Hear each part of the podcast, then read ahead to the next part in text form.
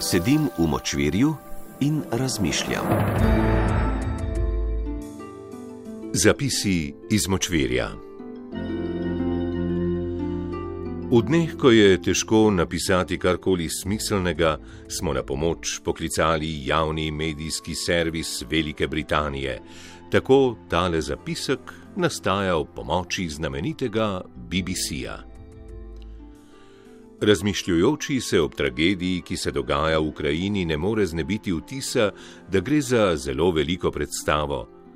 Seveda je kot takšne ne vidijo žrtve in trpeči, a zunani svet je začel tekmovati v obsodbah in pomoči, ki mnogokrat nima veliko zveze z realnostjo. Z neko navijaško strastjo opazujemo najnovejše evropsko klanje in z očitnimi pretiravanji sovražimo Ruse in ljubimo Ukrajince. Ne gre za racionalne izjave in obnašanje, temveč gre za čustvene, nepremišljene odzive, ki pa so, če smo brutalno iskreni, tudi pripeljali do vse te preklemanske šlamastike. Tako se tudi mi postavljamo v dolgo vrsto strokovnjakov za Evropski vzhod in geopolitičnih analitikov, ter dodajamo kamenček k razumevanju najnovejše globalne krize. Najprej poglejmo cvetober iz domačih logov. Prvič, humanitarna kriza. Sprejeli bomo do 200 tisoč beguncev, se je zavezal naš notranji minister. Pravilno, humano in potrebno, ampak zaveza, da postane vsak deseti živeči v Sloveniji begunec, se zdi nemogoča, predvsem na osnovi reakcij sedanjih vladajočih izpred nekaj let, ko je obstajala nevarnost, da postane begunec vsak tisoči živeči v deželi.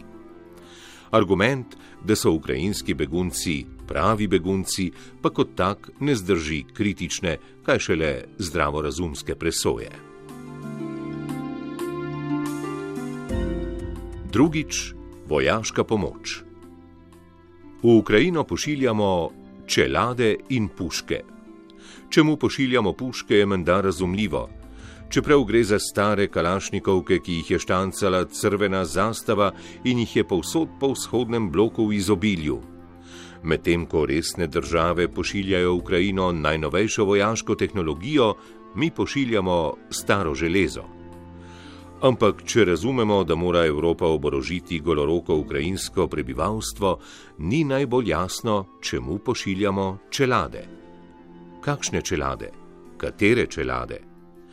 Vojaška čelada je namreč ob zaščiti vojakove glave tudi ultimativni prepoznavni znak posameznika na bojišču, po njej se soborec razlikuje od sovražnika.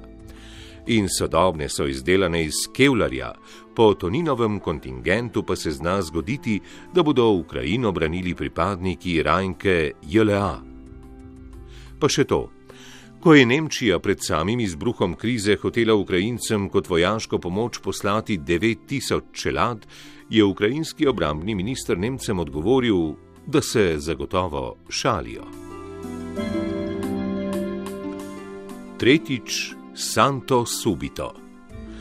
Zaradi vojne se nekatere države, Slovenija v prvih vrstah, zauzemajo za takojšnje sprejetje Ukrajine v Evropsko unijo. Čemu bi to storili in kako bi sprejetje Ukrajine v povezavo kakorkoli pripomoglo k rešitvi konflikta, sploh pa k razrešitvi desetletja trajajočih napetosti, ki so privedle do njega? Razumevanje evropske povezave kot nekakšne tolažilne nagrade ali pa ogromnega geostrateškega obliža se zdi otročje in neresno. Če ne drugače, je eden glavnih pogojev sprejetja v povezavo odsotnost mejnih in medsosedskih konfliktov. Prav ta pogoj pa se je resnici na ljubo izgubil, ko so jedrne države začele v povezavo sprejemati države vzhodne in južne Evrope. Četrtič. Orožje za množično uničevanje. Ne meč, pregnala nas bo sankcija. Parafrazirano zveni v primeru ruske agresije na Ukrajino povsem verjetno. Če kaj smo se naučili, da so najučinkovitejše orožje postali bančni računi. Tanki in puške delujejo zastarelo, primitivno in barbarsko, ko pa je največja strateška grožnja ukinitev medbančnega prometa. In prav na tej točki se je vštel tudi Putin. Prešteval je tanke na mesto kreditov in zaupal je generalom na mesto računovodjem. Človek nikoli povsem ne verjame, dokler ne vidi, ampak najverjetneje je prav vojna v Ukrajini kronski dokaz, da planeta že dolgo ne vodijo več posamezne države, temveč borza in korporacije. Petič, TikTok. Bizarnost predpostavke, na kateri temeljijo družbena omrežja, se je v Ukrajini razgalila do konca. Namesto da bi nam neposredni prenosi bojev na digitalnih platformah vojno približali in posledično priskutili, so jo zbanalizirali in zmanipulirali. Možnost, da se posnetek resnične vojne nadomesti s posnetkom iz videoigrice, pomeni resnični somrak civilizacije, v kateri sta realno in virtualno bivanje povsem izenačena.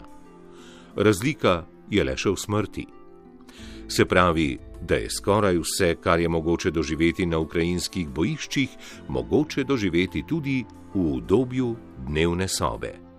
In to, če plačate naročnino, celo brez reklam.